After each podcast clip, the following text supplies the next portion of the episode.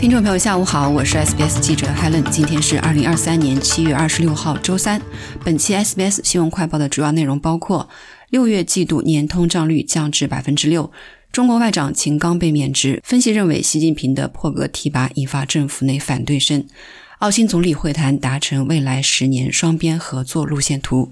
据澳大利亚统计局周三公布的最新消费者价格指数，澳大利亚最近一个季度的年通货膨胀率从百分之七降至百分之六。消费者价格指数及 CPI 衡量的是家庭通胀率，包括家庭支出多个领域的价格变化。这一季度的 CPI 上涨了百分之零点八。二零二二年十二月季度的通胀率曾经达到三十二年来的最高点，全年通胀率上升至百分之七点八。澳大利亚统计局物价统计主管米歇尔·马夸特表示，六月份的数据显示了自二零二一年九月以来的季度最低涨幅。导致六月季度数据上涨的最大因素是房租。路德。自一九八八年以来季度最强劲增长。此外，还包括国际度假旅行和住宿、其他金融服务以及业主自助购买的新住宅。同时发布的月度通胀数据显示，截至六月份的十二个月内，价格上涨了百分之五点四。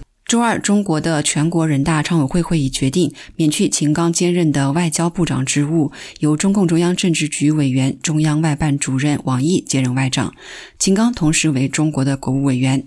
这是秦刚消失一个月后，官方首次披露其消息。据官方消息，现年五十七岁的秦刚因未透露的健康原因而退休。美国空军战略事务咨询顾问、全球台湾研究中心的研究员詹义廷 （Eric Chan） 表示，习近平提拔秦刚担任外长的决定，在中国政府机构内引起了相当大的反对声音。他说：“秦刚 wasn't very popular back home。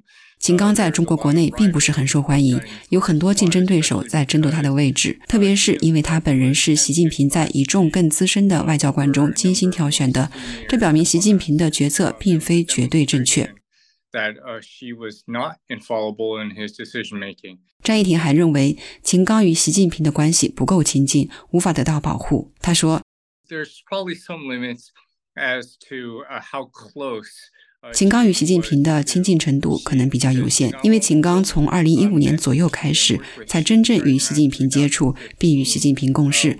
当时他担任礼宾司的司长，所以由于与习近平的互动和时间相对有限，是习近平从个人角度确实喜欢他，但他并非习近平最亲近、最高层级的追随者之一。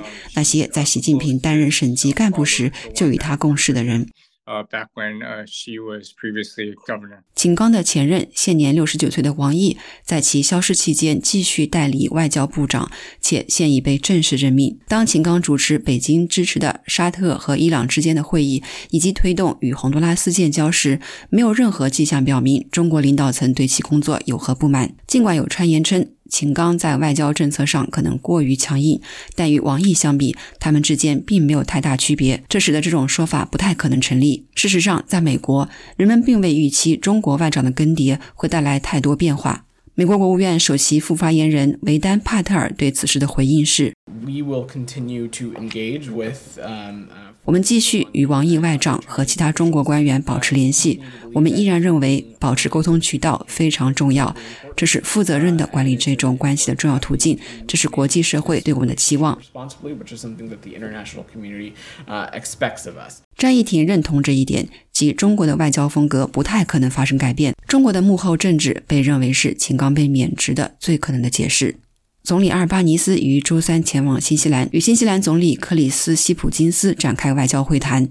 在会谈之后，澳大利亚和新西兰达成一个双边的路线图，路线图标志着双方未来十多年在地区稳定和气候变化等问题上的合作。总理阿尔巴尼斯说：“通往2023年的路线图认可跨塔斯曼海的关系对两国来说是重要资产，能够帮助澳新应对挑战以及未来机会。”而新西兰总理希普金斯说：“路线图将着重于建设有韧性的经济，确保地区稳定。”好了，感谢收听本期 SBS 新闻快报。关于秦刚被免职的新闻解析，来自 SBS 新闻记者曾立昂。您可以在任何播客平台搜索 SBS 普通话，点击订阅，开启消息提醒，即可了解澳洲国内外新闻及社区信息。